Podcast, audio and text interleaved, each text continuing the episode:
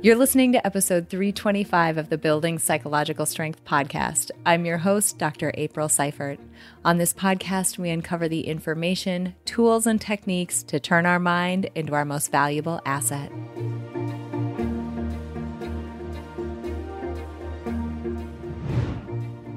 Hey everyone, welcome back to the Building Psych Strength podcast. My name is Dr. April and I'm your host.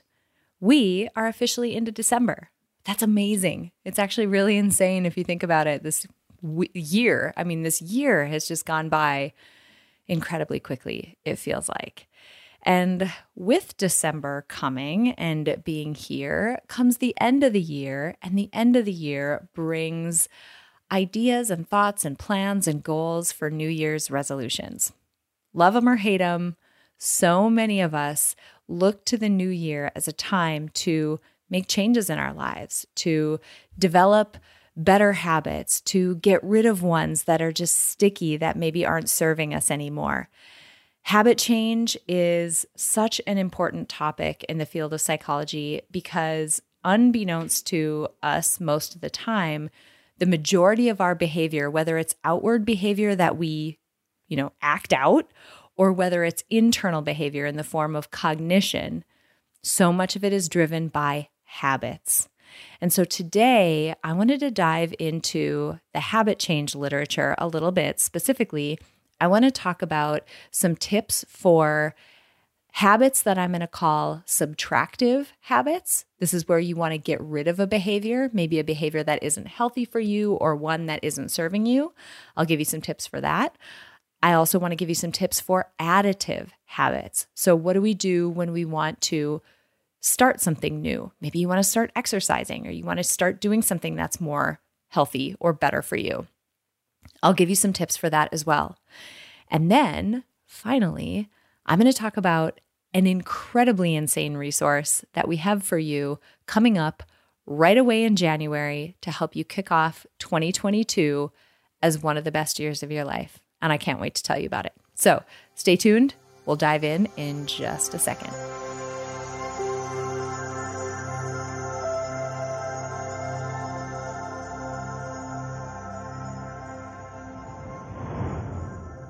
Okay, so habit change. Let's talk about this and let's start with the foundation. Let's start with what a habit is. A habit actually consists of a few pieces.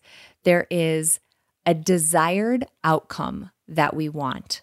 It could be a feeling, typically, it's a feeling. Uh, it could be a desired physical state.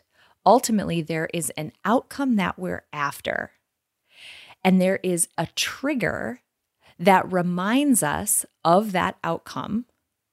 And then there's a behavior that we enact in order to get that outcome. So, trigger happens, behavior happens, outcome happens, or think reward happens. So, habits have these three pieces a trigger, a behavior, and a reward or an outcome. And it's important to think about that because I mentioned in the introduction that so many of our both external and our internal behaviors are run by habits. So let's talk about what I mean by that. I mentioned that there is this reward or this outcome that we're after, and a trigger reminds us of that reward.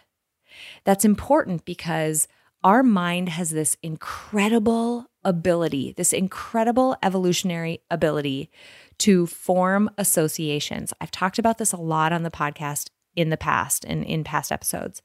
So, our mind learns that when a trigger is present, we're going to get into what that means in just a second. When a trigger is present, that signals, yep, I want this reward. I want that thing, or that that reward is possible to get. And the behavior that we insert in between that trigger and the reward are what helps us get the reward. Now, it's important to think about what we mean when we say association. Through repeated pairings of the trigger and that reward, we learn that whenever that trigger is present, we start to crave that reward. So let's talk about this in a way that is a little bit more concrete. Um, I've had a couple people in my life who were lifelong smokers who they've wanted to change and it's so difficult to change.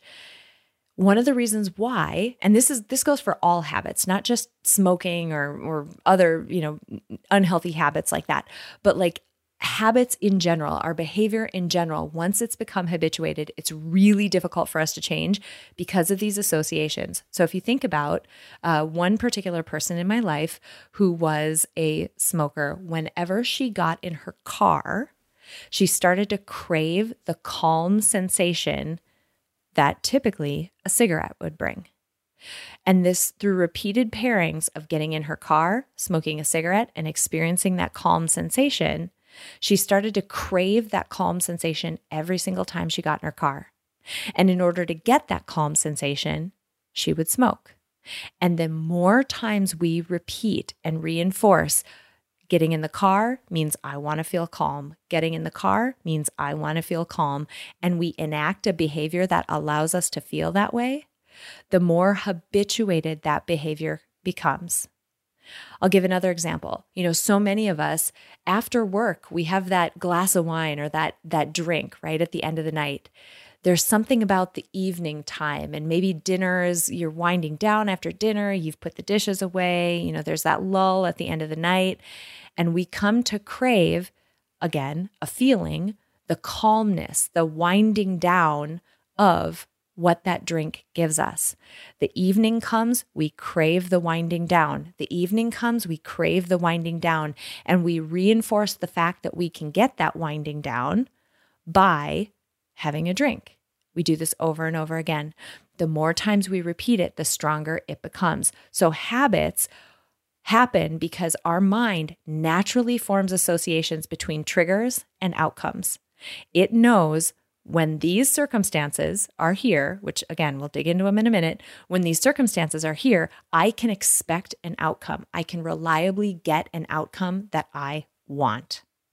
And that's so hard to break because we're talking about evolutionarily adaptive stuff here. Some of the best, most reliable, most cognitively easy and lightweight stuff, the most amazing stuff that our mind can do relies on the same mechanisms that habits rely on. That these negative habits that sometimes we want to get rid of, that those rely on. So, the first thing I want you to know is that if you're in this position where you're like, oh, New Year's Eve is coming, I want to make some changes, I want to get rid of these bad habits, I want to put these, you know, good ones in place, you're not alone. And you are not alone in finding it very difficult to change your own behavior. It's hard because we are hardwired for it to be hard. It's not hard because somehow you're weak or you lack willpower. That's absolutely debunked. There's not good data to support that. In in contrast, it's hard because our minds are hardwired to hold on to associations and habits once they're formed. That's the whole basis for neuroplasticity right? Our minds rewire themselves to make behaviors that we do really often super easy and frictionless. And that's ultimately what habits are. So, habits are a trigger which leads us to desire an outcome. So, we do a behavior in order to get that outcome. And they're really hard to change because our minds are so good at relying on associations. So, with that setup, I want to talk a little bit about two types of habits that you might be thinking about making changes to as the year is coming to an end and as the new year comes. Now, before I get into that, I want to say one quick thing about New Year's resolutions. Sometimes people kind of roll their eyes at them. They think New Year's resolutions are dumb or, uh, people always fail at them, whatever. Um, I don't care. I don't care if it's if it's a New Year's resolution that is what it's taking for you to make the changes in your life that you want to make. Great. If that's the motivation that kickstarts this journey for you, that's amazing. Let's do it. I mean, it's as good of a reason as any. I mean, maybe it's Tuesday, maybe it's New Year's Eve, maybe, you know, it's warm outside. Who cares? Whatever the, the set of circumstances is that leads you to feel like, yep, this is a time for me to give it a shot that's as good as anything else for me. So awesome. Let's make it New Year's Eve. I love it. So, again, two types of habits I want to talk about today. The first one is what I'm calling subtractive habits. These are habits where you want to get rid of a behavior. And typically they are things that are not that great for us. Maybe you are drinking more than you want to drink. Maybe you're smoking. Maybe you are eating unhealthy foods late at night. Maybe you are yelling at your kids when you don't want to. Maybe, I mean, it could be any number of things. Maybe you are criticizing yourself internally, right? Behaviors can happen internally as well. Whatever it is that is not serving you that you want to stop doing, that's what I would call a subtractive habit. And I want to start by giving you a few tips for changing subtractive habits. Now, there was a reason why I started by dissecting what a habit is, right? Trigger, behavior, reward. Because one of the first things you need to think about when you are going to change a subtractive habit or get rid of a behavior that's not serving you is you need to do a little bit of sleuthing, a little bit of detective work to understand that habit at its component parts. What are the triggers that lead you to crave the reward. What is that reward? And what's the behavior that you ultimately do to get that reward? And I want to break it down like this because a lot of times people will focus only on the behavior. Oh, I want to stop drinking. I want to stop smoking. I want to stop yelling at my kids. I want to stop eating a bunch of snacks at 9:30 p.m. or whatever it happens to be. They focus on that behavior. Ultimately, that behavior is not the most important part. Remember, your mind runs on associations. What I want you to focus on instead are the two parts that are not the behavior. I want you to focus on the trigger, and I want you to focus on the reward that you get. The association between the trigger and your craving for that reward. So let's deep dive. I told you we would dive into what triggers are you can think about triggers in terms of the the W questions that you learned maybe in a journalism class in high school or college or whatever. The who, what, when, where, why. Yeah, we'll stop there. Who, what, when, where, why. In our situation, in our environment, typically, and this can be external and internal environment. So in our minds, sometimes certain circumstances can be triggering of a habit think about who. So let's say you want to stop drinking as much. Pay attention to when you feel the urge to drink. Who's around you at that time? Do you notice over the course of a couple of weeks, you could start now and map this out for the remainder of the month of December. Who is around you when you feel the urge to drink? Do you notice that is this it's the same person, same people, same types of people? Do you start to notice that maybe there is a person who could be triggering for you that makes you crave the reward for drinking? It makes you crave wanting to drink. So, who? What? Is there a thing, a physical thing in your environment that triggers you? Is it when you see a bottle of wine is it when you see, you know, your your beverage fridge or when you see your refrigerator? Is that when it happens? What in your environment might be triggering of that desire to drink or that desire for the response that drinking provides?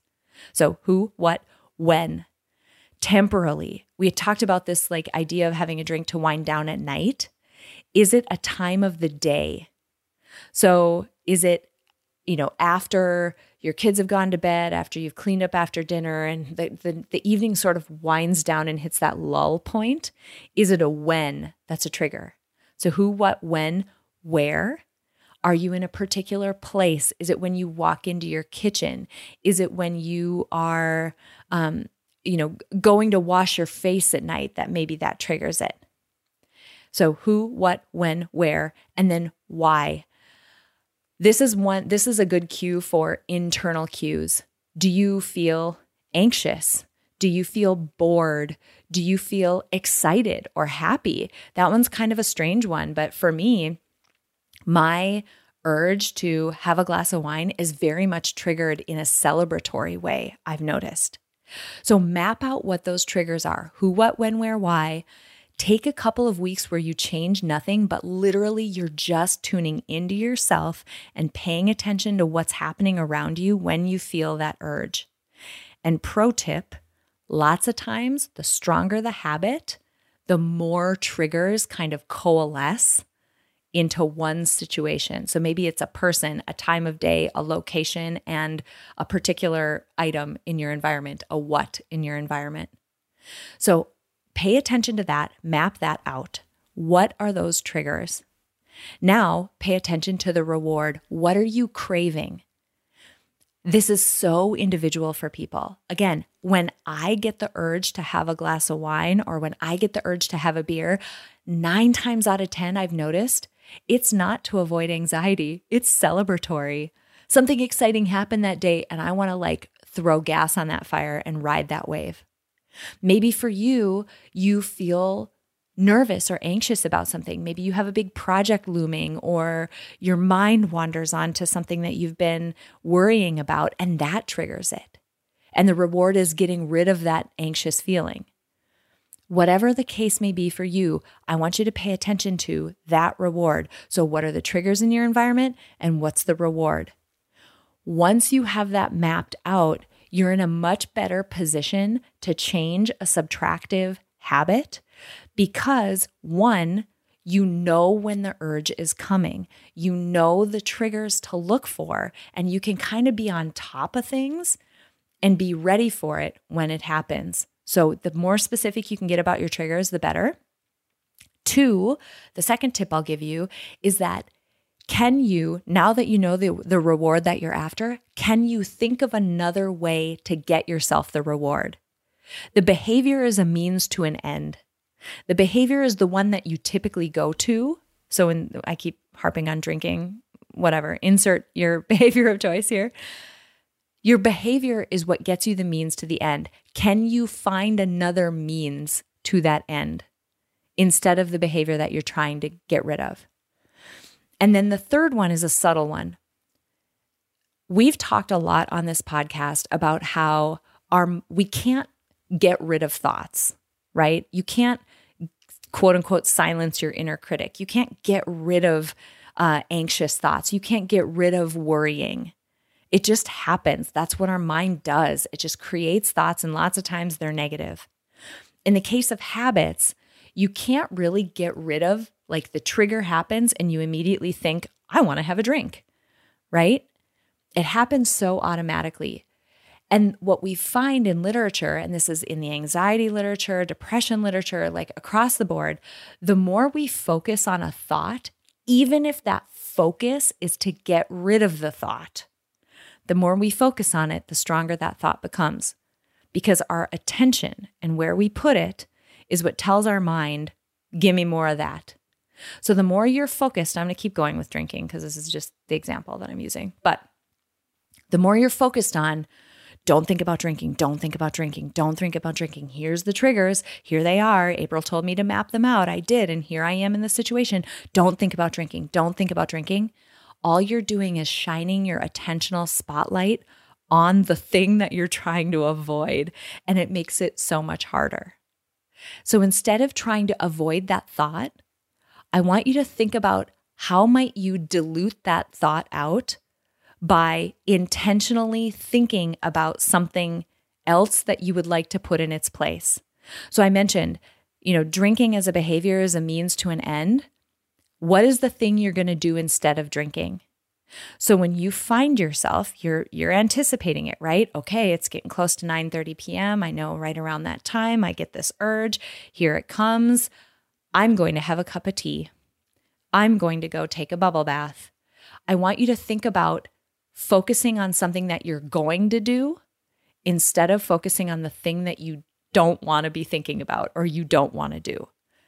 Focus on replacing that behavior and diluting out the thoughts with an intentional thought of a different type, right? So instead of the evening is coming, I want a drink. It's the evening is coming. I'm going to take a bubble bath. Your mind is still going to squawk at you in the background. Yeah, but don't you want to have a glass of wine while you're in the bubble bath?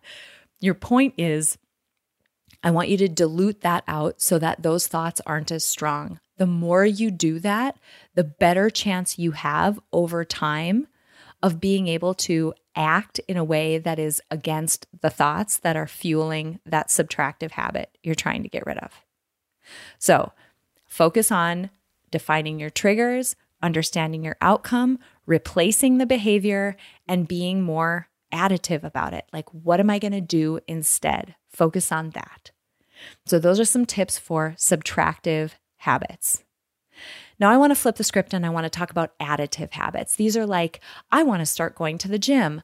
I want to start eating more salads. I want to start meditating. I want to start whatever it happens to be, the thing that you want to add to your life. We've already talked about the importance of triggers and outcomes.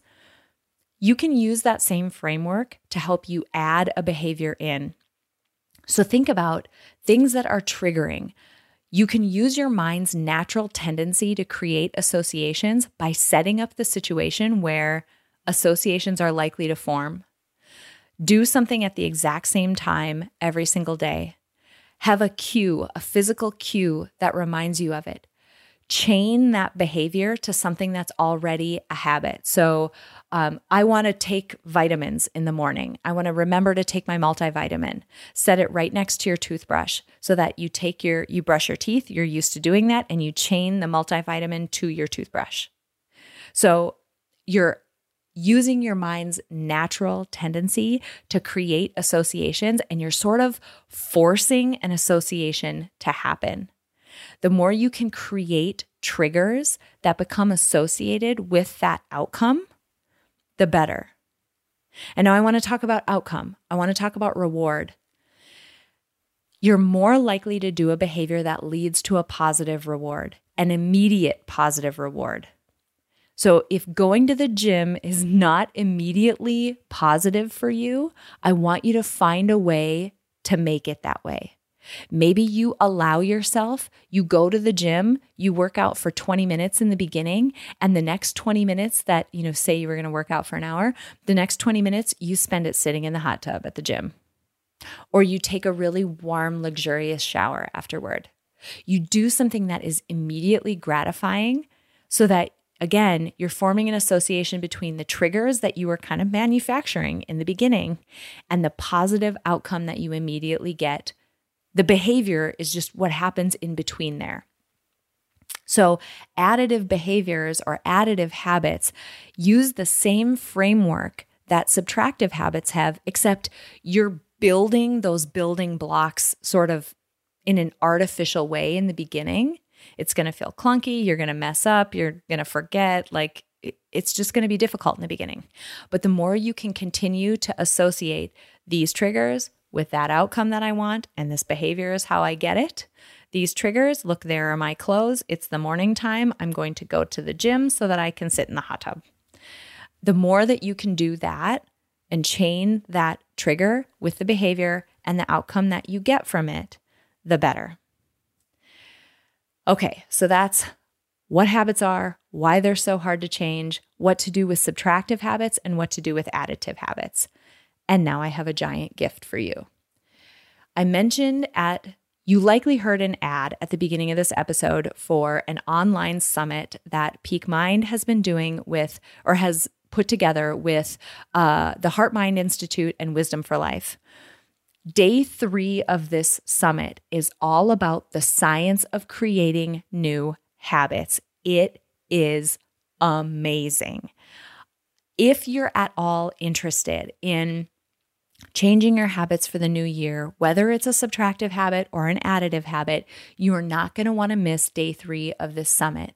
I mentioned how this is a 10 day summit. There are over 45 world renowned teachers, psychologists, visionaries, pe- like the most sought after people in the world. I am geeking out interviewing some of these people. I can't even handle it. These guys are coming on to teach you the best of the best anything from life purpose and vision, health and well being, mindset and performance, financial health, relationships. Like I mentioned, day three is the science of creating new habits. You are not going to want to miss that summit. If you missed the URL at the beginning of this uh, episode, it is peakmindpsychology.com backslash best year. You can go and sign up and you'll get enrolled for free in this 10 day online summit with 45 of the world's most famous, incredible people. They're so amazing. So head over to peakmindpsychology.com backslash best year or just click the link down in this episode description. Sign up. I would love to see you there. I'm I'm just dying. I'm so excited that we got to be a part of this. All right, guys. So habit change, not for the faint of heart. It is possible. And I hope some of these tips helped. Think about how you might change both subtractive and additive habits. And I have a few more resources for you in the last bit of this episode, so stick around.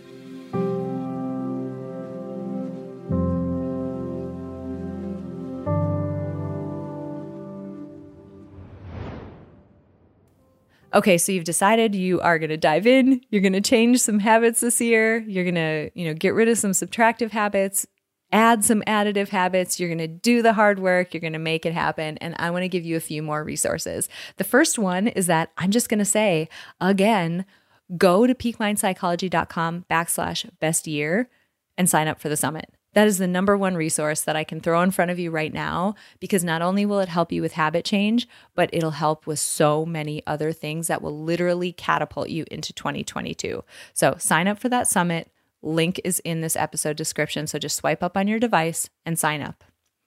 The second thing that I want to mention is again in the link of this uh, in this episode description i've linked to a whole slew of habit change resources in the peak mind vault these are all resources that are podcast interviews blog posts i mean videos so many things that help you think about how to make changes to your habits uh, in this coming year.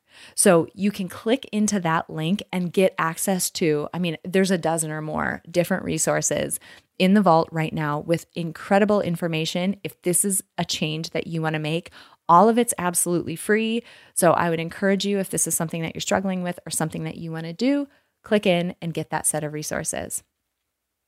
You guys, this year has been another doozy. We have been in almost two years of a pandemic now, somehow we are still marching forward and uh, striving to be the best that we possibly can be. I'm so thrilled that you are all here. I'm so grateful for this community, increasingly so, more than I can even describe. Thank you guys so much for being here. I just really appreciate it. And I hope these habit change resources have helped you think about what you might do with your year coming up. And finally, Let's remember that time is the most non renewable resource on the planet. And I'm so grateful to each and every one of you who chose to spend some of your precious time with me today. I'm Dr. April Seifert, and I'll see you next week. And I hope to see you at the Best Year of Your Life Summit.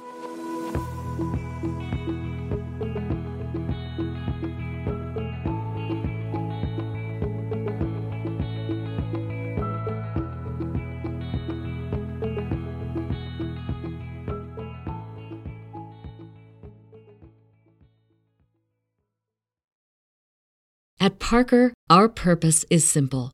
We want to make the world a better place by working more efficiently, by using more sustainable practices, by developing better technologies. We keep moving forward. With each new idea, innovation, and partnership, we're one step closer to fulfilling our purpose every single day. To find out more, visit parker.com/purpose. Parker, engineering your success. As humans, we're naturally driven by the search for better. But when it comes to hiring, the best way to search for a candidate isn't to search at all. Don't search, match with Indeed. When I was looking to hire someone, it was so slow and overwhelming. I wish I had used Indeed. If you need to hire, you need Indeed. Indeed is your matching and hiring platform with over 350 million global monthly visitors, according to Indeed data, and a matching engine that helps you find quality candidates fast. Ditch the busy work. Use Indeed for scheduling, screening, and messaging so you can connect with candidates faster. And Indeed doesn't just help you hire faster. 93% of employers agree Indeed delivers the highest quality matches compared to other job sites, according to a recent Indeed survey. And listeners of this show will get a $75 sponsored job credit to get your jobs more visibility at Indeed.com slash podcast. That's Indeed.com slash podcast. Terms and conditions apply.